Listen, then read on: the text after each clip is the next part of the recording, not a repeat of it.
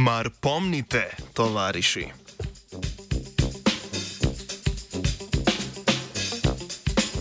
Ste med učenjem kdaj zadremali in na to, prebojeni, opazili, da ste si snov bolj zapomnili?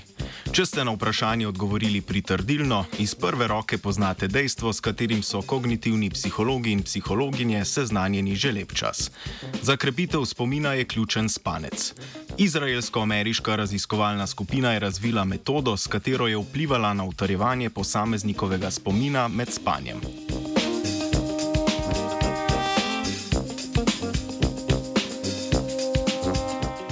Najširše sprejeta teorija o mehanizmu utrditve spomina med spancem v ospredje postavlja interakcijo med dvema možganskima predeloma: hipokampusom, ki igra ključno vlogo pri formaciji novih spominov, in frontalnim korteksom, v katerem naj bi se, grobo rečeno, zbirali dolgoročni spomini. Konsolidacija spomina je v tem oziru zamišljena kot komunikacijski proces med omenjenima možganskima predeloma. Med procesom se v kortikalnih področjih tvorijo trajne povezave, ki posledično omogočajo delovanje dolgotrajnega spomina. Iz predhodnih raziskav vemo, da se to dogaja v fazi, ko najglobje spimo.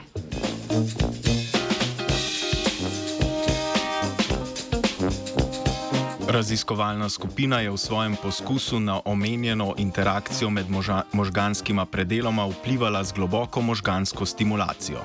Raziskavo so upravili na skupini pacijentk in pacijentov z epilepsijo, pri katerih so bile elektrode v možganskem tkivu prehodno nameščene v diagnostične namene.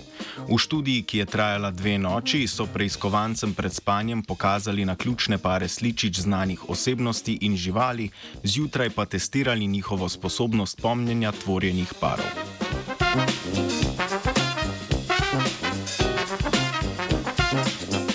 Noči sta se raz razlikovali zgolj v tem, da so preiskovanci v prvi spali nemoteno, v drugi pa so raziskovalke med spanjem z ugrajenimi elektrodami tarčno stimulirale možganske predele, domnevno povezane s konsolidacijo spomina.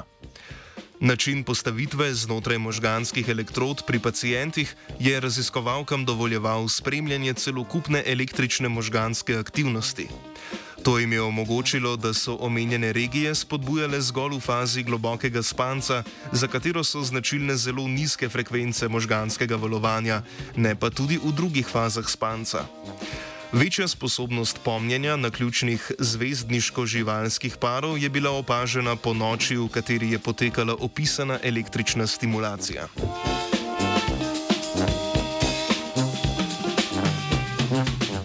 Pri interpretaciji študije se je treba zavedati, da se opisana in z njo povezane raziskave nanašajo predvsem na omejeno območje delovanja tako imenovanega deklarativnega spomina.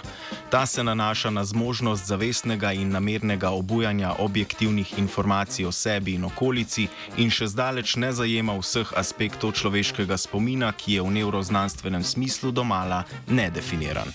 Kljub temu se avtori in avtorice študije nadejajo uporabe razvite metode pri blaženju simptomov določenih nevrodegenerativnih bolezni, ki vključujejo okvare spomina.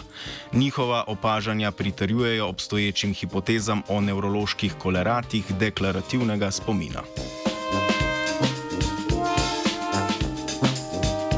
Zbritov se je spomnil napisati žiga.